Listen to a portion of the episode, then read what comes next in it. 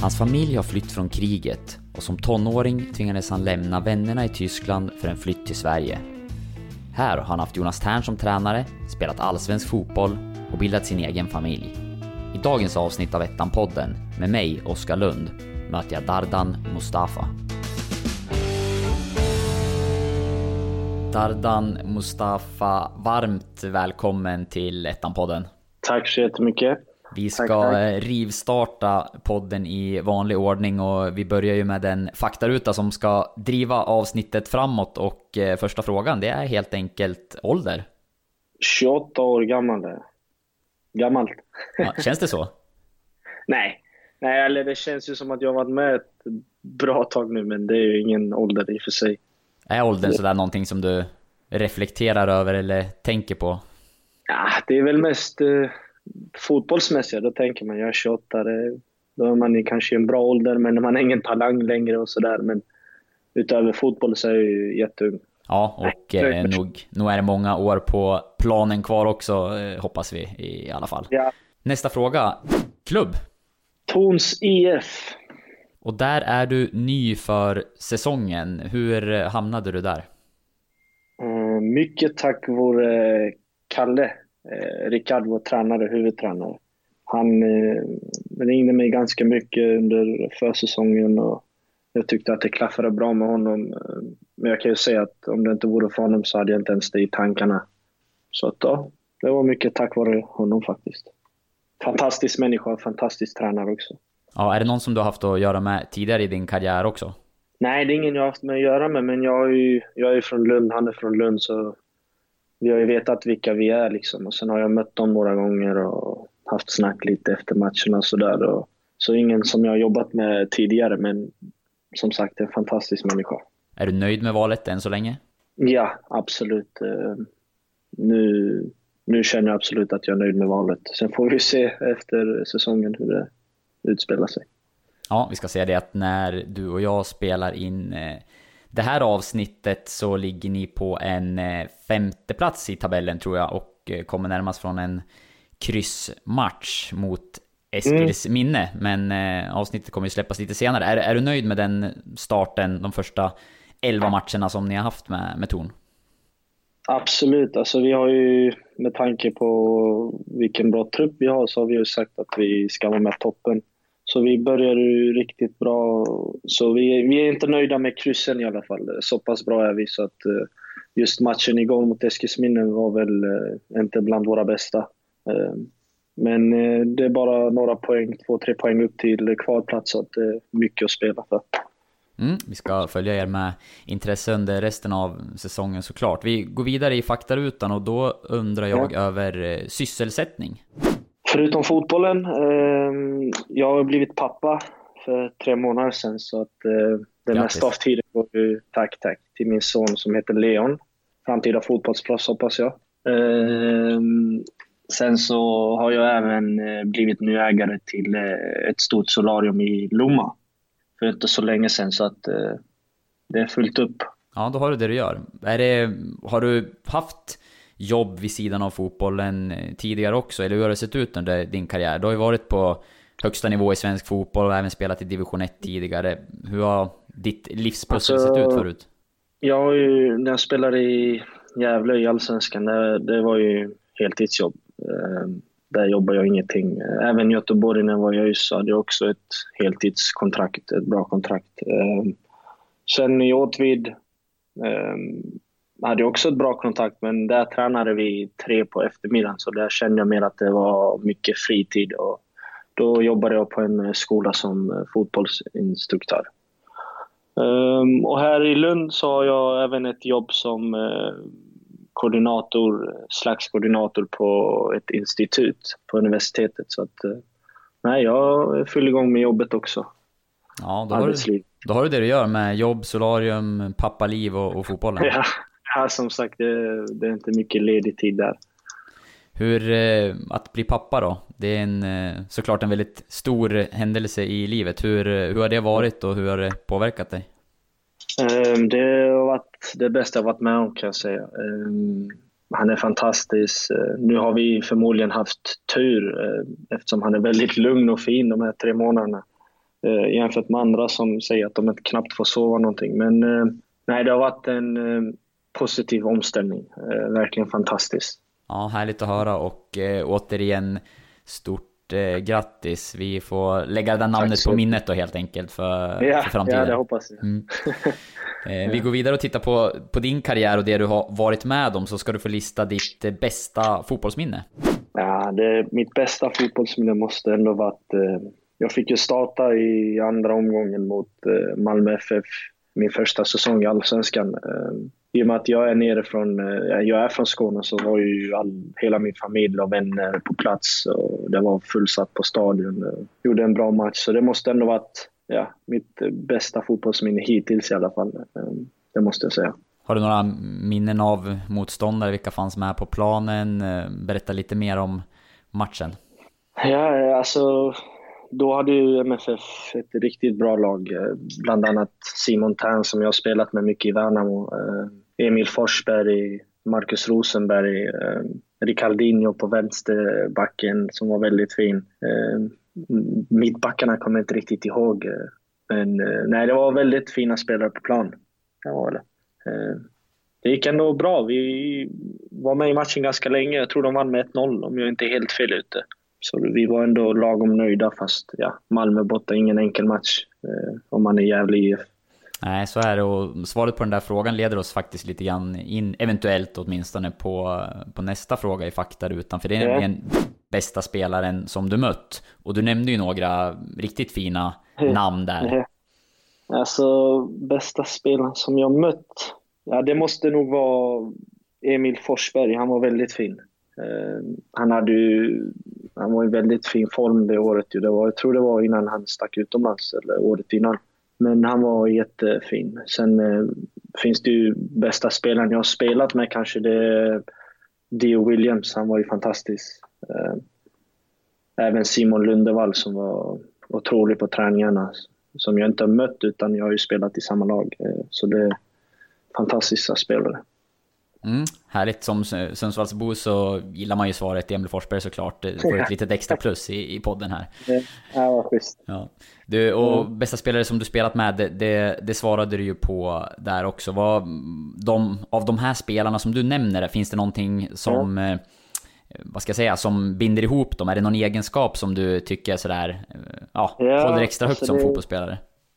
Ja, det är bland annat alltså, tekniken och bollbehandlingen som de här spelarna har gemensamt. Forsberg, det vet vi ju allihopa vilken teknik han har i fart. Och Simon Lundevall, han är liknande faktiskt. De är väldigt lika i spelstil, även han kunde göra otroliga grejer i fart. Ehm, samma sak med Dio Williams, det gick ju inte att ta bollen ifrån honom fast han var ganska så spinkig och smal. Så han var väldigt stark. Och, så det är väl framförallt tekniken, bollbehandlingen i fart och, ja, som utmärker de här spelarna. Skickliga fotbollsspelare allihopa, det kan vi konstatera. Nästa mm. del i podden, det är eh, segmentet som vi kallar Fem snabba och eh, då ska du helt enkelt få säga det första du tänker på kring det eh, lag som det blir i det här fallet, som jag nämner. Fem mm. olika klubbar helt enkelt. Så får vi se hur du svarar. Är du redo? Okej, okay. yes. Vi börjar med IFK Värnamo. Ja, det måste jag säga Jonas Tern. Jonas Tern, ja. En eh, stor profil och som var tränare för dig där. Det ska vi komma in på ja. lite senare. Eh, Gävle IF? Ja. Ehm, allsvenskan. Första, första året allsvenskan allsvenskt spel för min del, tänker jag. Härligt. Lunds BK? Um, ehm, första seniorfotbollen, måste jag säga. Också en fantastisk tid. Åtvidabergs FF? Ja, den var bra. Klassisk klubb. Ehm, det första jag tänker på, ja, det är väl att bland annat att jag mött dem i Allsvenskan. Det är det första jag tänker på. Eh, klassisk klubb eh, som förtjänar bättre än det de är. Yes, och eh, här får du eventuellt hjälpa mig lite grann. Jag gör väl ett ärligt försök. Då kanske du vet vad som är på lut. Breitenfelder SV. Oj, oj, oj. Ja, det är min första fotbollsklubb överhuvudtaget. Eh, då tänker jag på min bror eftersom han, eh, han själv har spelat där och det var han som köpte mina första fotbollsskor och tog med mig till hans lag. Fantastisk tid. Ja, I du... Tyskland, ja det måste jag kanske nämna. Ja, vi ska det... snacka lite om det tänkte jag. Men först, var det ett okej uttal eller? Ja, du gjorde helt rätt. det var jättebra. Ja, tack så mycket. Jag var lite orolig där. ja. ja, men hörru du, Tyskland alltså. För precis, eh, det är som du säger, det är din första fotbollsklubb och du bodde då i Hamburg. Mm, mm, mm. Hur, eh, hur hamnade du där? Hur kommer det sig att du har en tysk eh, modeklubb? Um, Ehm, ja, vi, vi har ju flytt kriget från, vi, eller föräldrarna har ju flytt kriget från Kosovo. Uh, 90, 91 var det, precis. Då kom vi till Sverige ehm, och sökte asyl, men vi fick inte vara kvar här. Så att eh, efter att eh, ett år där så flyttade vi till Tyskland och ja, där bodde vi vad blir det, 13-14 år. Ehm, min bror, storebror och eh, ena storasyster bor bland annat kvar i Tyskland med sina familjer. Ehm, sen så fick vi tyvärr efter 13 år inte vara kvar i Tyskland heller. Ehm, så att eh, mina föräldrar, jag och min andra syster, vi testade Sverige en gång till. Och eh, två år senare fick vi, hade vi tur och fick vara kvar i Sverige. Så det är väl den historien framförallt, att vi flydde kriget och inte fick vara kvar i vissa länder. Det är inte så lätt att få uppehållstillstånd. Um, vilket ledde till att vi ja, bodde i Tyskland i massa år innan det blev Sverige. Och du var ju då ett, eh, ja men, du var barn, ett litet barn under den här tiden. Och hur, hur upplevde du det som eh, ni som familj tillsammans var med om under de där åren? Alltså, jag har ju, pappa har ju berättat så mycket att uh, det var ju hemskt när jag var, jag var ju knappt några månader gammal liksom. Det var snö ute och vi fick gömma oss i bussar. Min mamma fick hålla två barn i handen och hoppa ur och det ena och det andra. Så det var väldigt mycket historier som jag inte kom ihåg i och med att jag var så liten. Eh, däremot, när vi flyttade från, från Tyskland till Sverige, det var ju det var inte så roligt ju. Ehm, jag var 13 år och hade alla mina kompisar kvar i Tyskland. Och kom ihåg att eh, föräldrarna sa att vi bara ska hälsa på min mormor som bodde i Sverige då. Um, men ja, då hade det gått en månad och jag undrade när vi skulle hem och längtade hem. Och då sa de bara att vi, inte, vi kommer flytta hit och vi får inte åka tillbaka till Tyskland mer. Så det var ju, det var ju, jag var ju väldigt ledsen då under den perioden där. Um, så det tog mig en ganska bra tid innan jag kom in i det. Så det, var, det är väl det mesta jag kommer ihåg av den tiden där. Hur var den delen då, att eh, komma till ett eh, ja, men, nytt land i den åldern och med kompisar och som du säger såklart ledsen över att lämna ja. dina vänner men att hitta nya och, komma in i ett, i ett nytt samhälle. Hur, hur var det mm. för din del? Alltså det var ju... Jag, jag är väldigt social av mig så jag hade ju massor med kompisar i Tyskland och fotboll även där. Och, så det var ju väldigt tråkigt. Eh, Sen så flyttade vi till ett ställe som heter Hova Eh, i Sverige första året där. Och det är en liten by, så att det var ju en omställning bara det för mig. Det fanns inte så mycket att göra, men jag, som sagt, i och med att jag är så social så lärde jag känna nya vänner ganska så fort. Sen kom jag igång med fotbollen där med, så att det rullade på ganska snabbt där faktiskt. Och jag lärde mig språket efter eh, ett, två år också, så att det gick väldigt fort. Ehm, nej, men det, det är klart det är tråkigt. I den åldern har man ju, är man ju bara ett barn och leker mycket och träffar vänner. Så det var ju väl det som var det jobbigaste, den omställningen.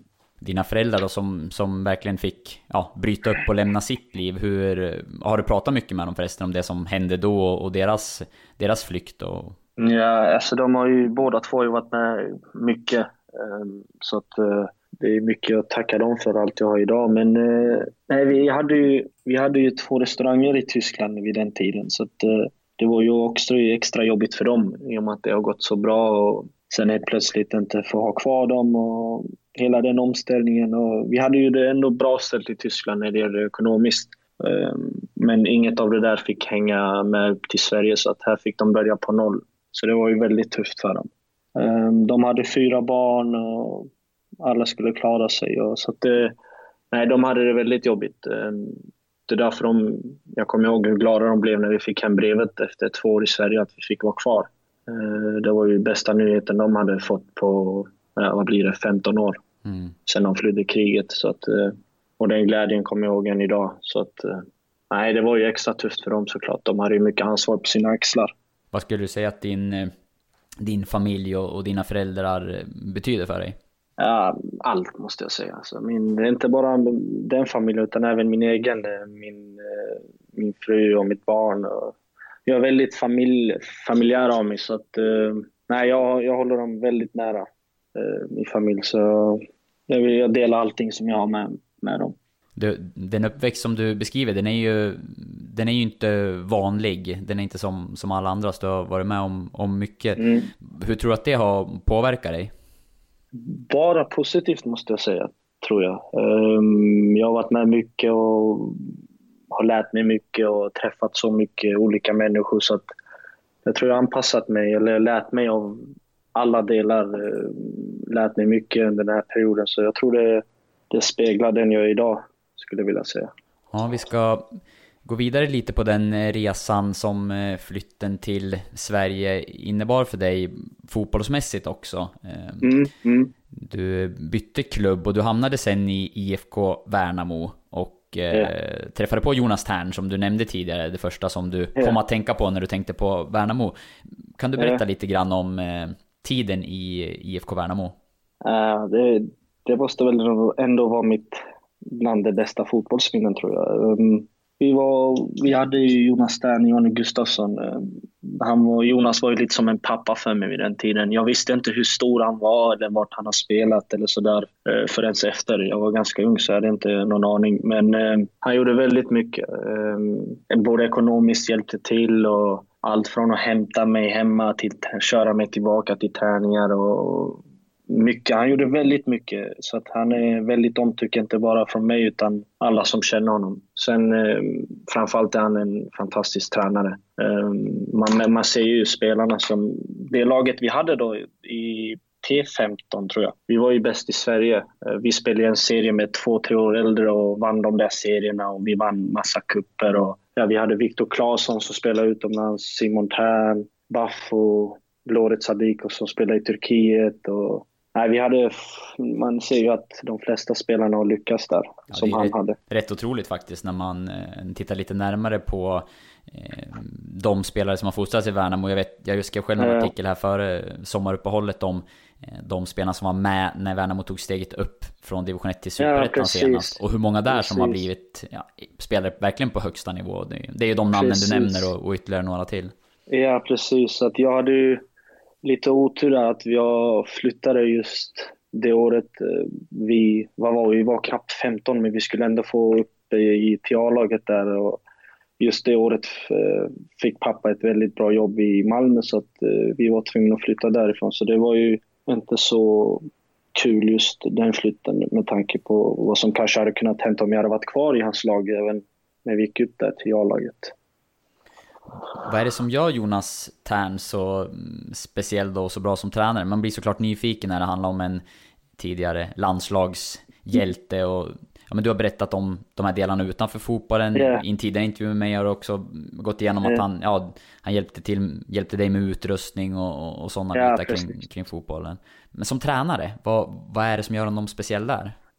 Han är ju, alltså han är ju han kan ju väldigt mycket, så det är inte konstigt med tanke på vilka klubbar han har spelat i. Men eh, framförallt hur har, alltså, som jag nämnde för dig tidigare, övningarna vi gjorde när vi var 13-14, det är övningar som vi inte ens gör idag i ett A-lag. Eh, det var väldigt mycket boll, eh, väldigt mycket spel, olika spel och vi fick, vi fick misslyckas gång på gång. Ändå så sa han kör på och dribbla. Det var aldrig någon som sa liksom släpp bollen, dribbla inte. Han ville bara att vi skulle fortsätta även fast vi misslyckades. Ehm, sen så var han väldigt, eh, väldigt bra kemi mellan spelare och tränare. Jag har ju haft tränare där man inte ens har kunnat säga hej till dem. Liksom.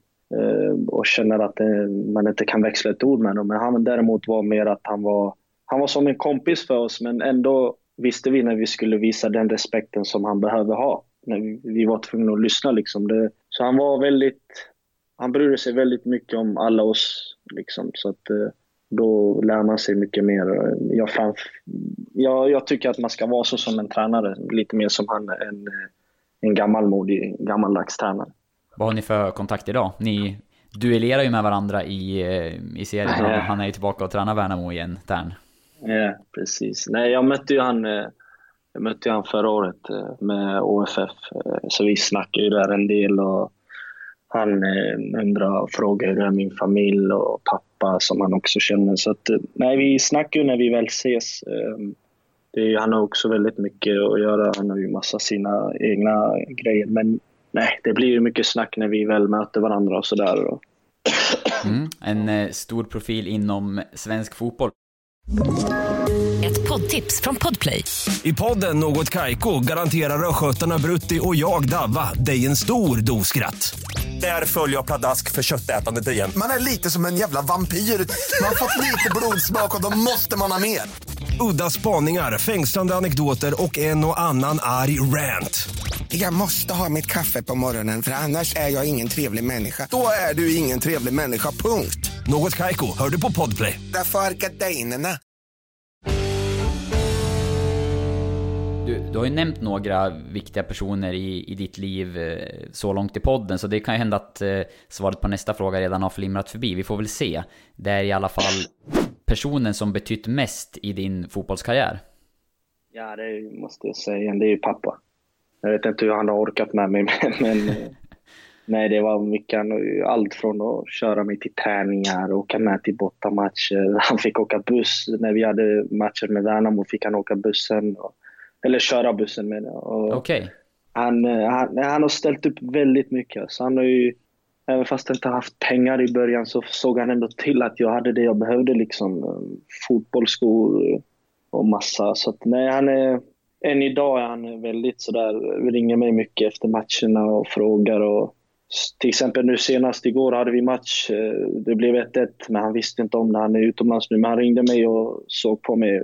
Ja, det gick inte bra igår. Eller, Nej, varför? Eh, ja, jag ser det på ditt ansikte. Så att han, han känner mig och ger mig mycket råd. Och, nej, han, är, han är väl den som har betytt, betytt mest för mig, måste jag säga. Är han eh, fotbollsintresserad i grunden så, eller är det ditt fotbollsspelande som är viktigt? Ja, det är mitt. Han är inte så intresserad. Visst kollar vi matcher och sådär, men det är inte så att han skulle göra det själv. Det är mest att han, han är bara stolt över att liksom, ja, han, vill, han vill det jag vill. Är det med? Han blir glad över det jag blir glad av. Det är det som är så fantastiskt med um, Vill jag gå all in på fotboll så hänger han med mig och går all in på det där. Vill jag gå all in på mitt företag hänger han också med och ger mig alla råd där. Så han är väldigt stöttande måste jag säga även kritisk. Han är även kritik. Om det inte skulle vara bra så tar jag åt mig det också. Ja, härligt. Det låter som en eh, fin relation. Vi går vidare i eh, faktarutan och eh, jag undrar över en märklig händelse som du har varit med om under din fotbollskarriär. Nu får du gräva i anekdotlådan här. En märklig händelse? Mm. Vad, vad innebär det? Ja, du får tolka den rätt fritt, men eh, någonting någonting annorlunda eh, som du har upplevt? Ja, ja, nu vet man ju inte hur mycket man ska säga. så, så, mycket som möjligt tycker ju alltid jag då som står på eh, andra sidan mikrofonen. Nej men jag, alltså roliga grejer har ju, kan jag ju nämna. Sen har det varit mindre roliga grejer som att man har haft vissa tränare som har varit väldigt märkliga liksom, eh, som man inte är van vid. Som har varit där det uppstått situationer där man tänker om det är ens möjligt att man kan att de här situationerna kan uppstå inom fotbollen så här men eh, Det är kanske är något som går utan att, utan att nämna några namn då, någonting som du är märkligt som du har varit med om? Jag vet vad, jag, jag drar den historien jag drog eh, som jag ville berätta för dig. Ja, innan. kör. Vi gör det istället så att, så att jag inte går in på andra namn där. Eh. Men nej, en väldigt kul historia måste jag säga. Det jag kan dra två om det går bra. Absolut, du får dra hur många du vill. Jag kom, jag kom på en rolig till, men jag drar den när jag var i... Jag, hade precis skrivit på Gävle IF i februari och eh, åkte upp. Tre dagar senare tog vi flyget till Cypern, tror jag, på träningsläge. Och dagen innan vi flyger till träningsläget så skriver Dio Williams på, som är ju, har varit en profil i Allsvenskan och någon jag kände igen och såg upp till. Och så bodde vi i samma rum då i, i Cypern. Och du vet, man är ju väldigt, man är helt ny första året i Allsvenskan, man vill ge allt, visa sig sin bästa sida. Och, och då hade vi match tredje dagen. Och då la vi oss, vi var, vi var, de ville att vi skulle lägga oss runt 10 på kvällen, eller i alla fall vara i våra rum. När klockan blir 10 så ser jag Dio gå upp och han var, han var ju en väldigt speciell person. Så han gick upp och fixade till sig, tog på sig, sa ingenting. Så bara säger ja men ta på dig. Tänkte jag, vadå ta på dig? Klockan är tio. vi har match imorgon bitti. Ja men ta på dig, vi ska bara käka någonting, sa han. Ja okej. Okay. Så hängde jag ändå med för jag ville inte skapa en dålig relation med honom så, så pass tidigt. Och jag var ganska ung, han var äldre. Och så drog han med mig till eh, världens klubb om man säger så. Eh, så där var vi hela natten och jag kom hem tidigt på morgonen. Vi gick upp till samlingen. Han startade som tur är. Jag var på bänken. Han gjorde ändå mål och ingen märkte någonting. Så det var ju det var helt otroligt. Man kunde tro att vi hade vilat ut hela natten men nej, det var, det var, det var väldigt märkligt då. Det var första, andra dagen jag skrev på det hände. Så det var väldigt kul eh, historia. Sen så... Ble, blev det något inhopp för din del där då förresten? Eller ja, det blev, det, blev, det blev ett inhopp, men som tur är var det inte så länge. Så att jag, för de hade kanske kunnat se att jag var väldigt trött. Men jag byttes ju av med honom, men han gjorde som sagt mål i den matchen och såg pigg ut som helst. Så jag tror han har varit med om det länge. och det är inte första gången för honom att, att göra en sån grej. Det kanske är preskriberat det där nu då. Det var, det var ingenting som fick någon... Eh, det, hände, det blev inga liksom, åtgärder där och då? Det var ingen som visste om att ni hade Nej, varit ute och nattsuddat? Nej, det var faktiskt ingen som visste om det. Så det, var, det var det som var så kul. Bara jag och han och alla som lyssnar nu den här podden som vet om det också. Men nej, det var ingenting som kom ut där då. Har det hänt igen uh, undrar man ju då? Eller har du skött dig sedan dess? Ja, jag har skött mig, men det har kanske uppstått någon gång. men jag, jag har skött mig för det mesta. Där var jag utomlands, där hade jag inte så mycket alternativ och vi bodde i samma rum. så det var bara att hoppa på det tåget. Um, sen så hade jag en annan rolig historia. Det var, eller roligt, det var ändå hemskt. Jag skadade korsbandet i ÖIS. Um, det uppstod en situation där i matchen och Matti Motumba var på bänken och och vi har också en väldigt bra relation. Eh, så han är ju väldigt rolig. Det är, så, det, är himla, det är väldigt svårt att vara seriös med honom för han är så pass rolig. Så att eh, när jag fick min skada så var det ju väldigt tungt. Det var exakt, eh, ja det var någon mitt i matchen. Eh, så jag kom ut och var, jag, jag tror jag grät till och med för jag tänkte nej inte andra gången nu. Så kom han över och vet, när han tittar på en så är det svårt att inte skratta. Och så han försökte vara ledsen och klappa på mig. Han bara, det är inte korsbandsskada, säger han. Jag tror på det, det är inte det. Och så började han skratta, så började jag skratta ihjäl mig. Så folk tänkte, vad fan håller de på med? Han har precis skadat sig. I alla fall, och så gick det två, och så var det korsbandet. Så gick det en vecka, så spelade Martin u match med ÖIS. Och han skadade sitt knä där. Och jag var vid sidan om och tittade på, så gick ner till honom och klappade honom och sa också att det här är inte korsbandsskada. Så, så han började också garva ihjäl sig då just det tillfället. Eh, Sen så visade det sig att eh, både jag och han gick i kryckor i tre månader efteråt tillsammans. Ja, Ja.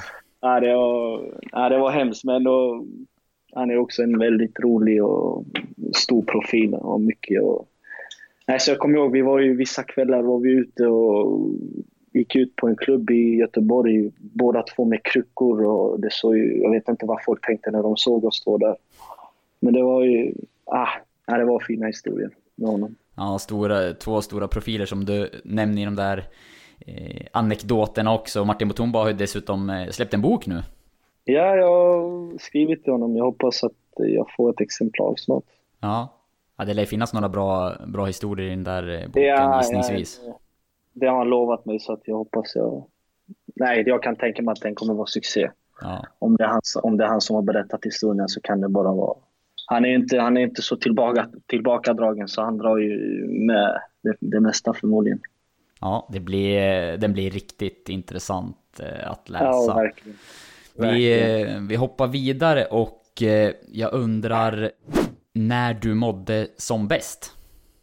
Under fotbollen menar du? Det, du får tolka den hur du vill, så det är egentligen i livet ja. först och främst. I livet först och främst mår jag som bäst nu skulle jag vilja säga. Vad härligt.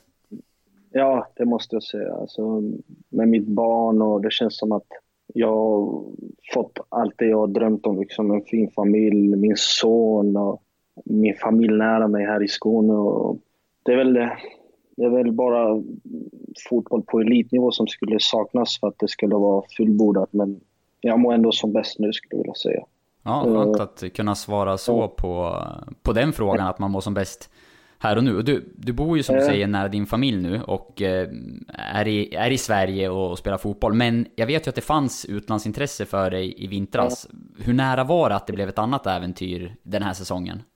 Det var väldigt nära. Eh, det var väldigt nära. Jag hade, jag hade faktiskt till och med ett flyg bokat eh, som ställdes in två gånger på grund av corona. Så att, nej, det var väldigt nära. Så det var ju jag vet inte om jag ska säga att det tog hårt på mig, men i och med att jag blev pappa också, visst, eller hon var gravid och vi visste att han var på väg. Men eh, nej, det var tråkigt. Det var tråkigt. Ja, man blir ju såklart eh, nyfiken och undrar vad var det för utlandsäventyr som du var på väg till? Ah, det vill jag inte säga. Det kan jag inte säga, tyvärr. Är det någonting som kan bli aktuellt igen? Ja, alltså det ska mycket till för att jag ska...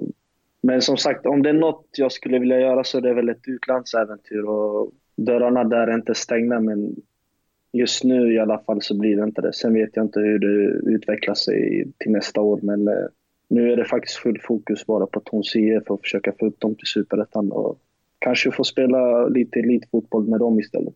Går det att säga någonting om vad det var för typ av äventyr? Var det ett eh, häftigt land, en udda upplevelse, ett eh, ekonomiskt jättebra avtal eller sportsligt hög nivå? Vad var det framförallt som lockade med det som var nära att bli klart? Alltså framförallt att det var ett äventyr. Eh, ett coolt land som jag tror inte många hade, många hade fått en chock om jag, där. Eh. Men eh, även bra ekonomiskt såklart det mesta, är, det mesta är ju nästan bättre ekonomiskt än i Sverige, får man ju säga. Ehm, men framförallt ett äventyr. Ehm, jag, är, jag är i den åldern så att jag inte jag har inga drömmar om att spela i Premier League eller Tyskland och sådär. Men det är ett äventyr som skulle passa mig och min familj bra. Ehm, ett skönt land, eh, varmt land framförallt. nej, men det är mer åt det hållet. Mm. Vi börjar ringa in det där på, på kartan mer och mer och så eh, får vi väl göra någon deal typ att om du tar Torn upp till Superettan då får du avslöja vilket land eh, du var på väg till efter säsongen. Det, det kan du gå med ja, på va? Det, det kan jag lova. Ja men det är bra. Vi, eh, vi går vidare till nästa fråga och den blir eh, lite mer negativt laddad. För det jag undrar nu är, då mådde du som sämst? Jag mådde som sämst, det måste ju det är ju två tillfällen. Eh, det är ju när jag skadade mitt korsband fyra dagar, fem dagar efter att jag varit i Malmö och spelat en match. Det gick bra och jag träffade deras eh, scoutchef på middag och allting såg, såg ut som att det var på väg att hända. Och, ja, fyra dagar senare skadade jag korsbandet, så det var ju väldigt tufft. Eh, I och med att jag hade, i den åldern hade jag drömmar om att spela i Malmö och ta mig dit. Och, nej, så det, det var ju första händelsen som var väldigt... Sen det andra är ju också korsbandsskada i ÖIS. Det var ju också väldigt opassande. Jag fick, eh, efter två säsonger i Gävle där jag fick... Ja, jag var inblandad i alla matcher som vi hade i Allsvenskan. Om det var vissa från start, men jag hoppade ändå ganska tidigt in i alla matcher. Men jag var ändå 21 år och jag var kanske inte så... I efterhand borde jag kanske varit kvar det år, tredje året med, men jag ville ändå... Jag ville mer jag var inte nöjd med att liksom få hoppa in varje match. Eh, då tänkte jag att det var ett bra steg att ta ÖIS och göra en bra säsong där och sen ta steget vidare. Men ja, en kort tid efter jag skrev på det skadade jag korsbandet så det, det var ju broms i min fotbollskarriär. Ja, två... Där, där... Ja, fortsätt du. Ja, där bodde jag själv också i Göteborg när, när det hände. Så att, eh, nej, det var mycket mörka tider under den perioden. Ja, jag förstår. Det är två, två tunga skador såklart. Vad, hur yttrar det sig då för din del när du, när du mådde dåligt där, till exempel efter knäskadan i, i Örgryte? Vad, stannar man inne i sin lägenhet eh, eller vad, hur, vad gjorde du under alltså, den tiden? Ja, det var ju, alltså jag var ju, jag hade inte ens lust att göra saker eh, faktiskt. Eh, det var mest att jag höll mig för mig själv. Men eh, sen hade ju turen då att eh, Motumba var där under den perioden så han bodde ju hemma hos mig ett tag också och spenderade mycket tid med honom. Och men annars så, nej, vänner hade svårt, svårt att få tag på mig under den perioden och familjen var orolig för att de märkte att jag inte mådde bra. Och, nej, det var ju, jag var ju ändå ganska ung och all, all min tid, alla mina tankar var ju bara på fotbollen under den perioden. Så det var ju, jag ville väldigt mycket, jag ville verkligen eh, lyckas. Eh, så att det var väldigt tungt när det hände eh, andra gången. Så att, eh, nej, jag, som, som sagt, jag stängde in mig ganska mycket. För det mesta hemma i min lägenhet och jag vet inte ens vad jag gjorde då, hur jag fick tiden att gå, men det var väldigt mörka tider. Du tog ju ändå igenom det där. Vad var nycklarna till det? Du nämner Martin Mutumba som var ett stöd som du hade där på plats i Göteborg. Var, var det andra saker som du, eller personer, som hjälpte dig eller som du använde dig av för att eh, komma igenom en tung period? Alltså personer, det är, det är klart mina närmaste, men det var ju framförallt att jag på något sätt gav jag inte upp drömmen eh, om att lyckas ändå. Eh, jag, hade min, jag är väldigt envis så jag tänkte fan, jag bara tar mig igenom det här och så är allting som att det aldrig har hänt igen efter några månader. Så det var väl framförallt att jag ville lyckas igen och ge det en ärlig chans som gjorde att jag tog tag i min rehab ordentligt och eh, hoppades bara på att det skulle bli bra till slut. Jag var inte riktigt eh, redo att ge upp min dröm under den tiden. Så det var väl mest att jag, ja, som sagt, jag älskar fotboll för mycket för att liksom inte ta tag i det. Starkt, du tog dig tillbaka och eh, är i allra högsta grad på eh, planen och levererar nu igen. Om du blickar framåt, Eh, så mm. är sista frågan i den här faktarutan, där ser du dig själv om fem år? Om, om fem år? Eh, då ser jag mig själv eh, bo i Dubai med min familj och spela fotboll på en lagom nivå. Det hade varit något. Ja, det är... Det är ett eh, äventyr eh, som heter duga. Vad, vad är liksom dina framtidsmål och drömmar om du, om du blickar framåt? Eh, det där är ett scenario. Vad, vad vill du uppleva och eh, uppnå om man, om man börjar med fotbollen de närmaste åren? Alltså med fotbollen så jag hoppas ju att jag får en chans att spela på elitnivå igen. Liksom. Jag vet ju själv hur det är att vara där på elitnivå. Man höjer sig ju automatiskt vissa procent jämfört med nu i och med att mycket mer krav och jag gillar den där pressen och publik och allt runt omkring. Så att, att liksom få se mig själv och få en chans att spela på en hög nivå där jag... Jag, inte, jag tänker inte så mycket på det ekonomiska utan framförallt att jag får bevisa för mig själv att jag fortfarande håller på den nivån. Um, så det är, väl, det är väl ett mål um, som jag har framförallt eh, för fotbollen. Att framförallt ett utlandsäventyr någonstans på en bra nivå. Mm. Om du tittar utanför fotbollen då finns det, nu har du ju företag och du, du är förälder mm. och sådär. Är det några tydliga mål eller drömmar som finns där utanför fotbollsplanen? Alltså drömmar, jag, mina drömmar är ju att min familj ska må bra och mina föräldrar som är gamla, att de ska ha liksom massa fina år eh, kvar och att jag få fler barn och nej, men framförallt att alla som betyder någonting för mig runt omkring, att alla mår så pass bra så att jag själv kan njuta också. Um, ha det bra med ja, att företaget går bra och att jag som, som sagt framförallt att jag kan hjälpa alla de som jag har närmast mig så att jag ser att alla de mår bra så kan jag själv må bra också. Det är väl lite den drömmen jag har.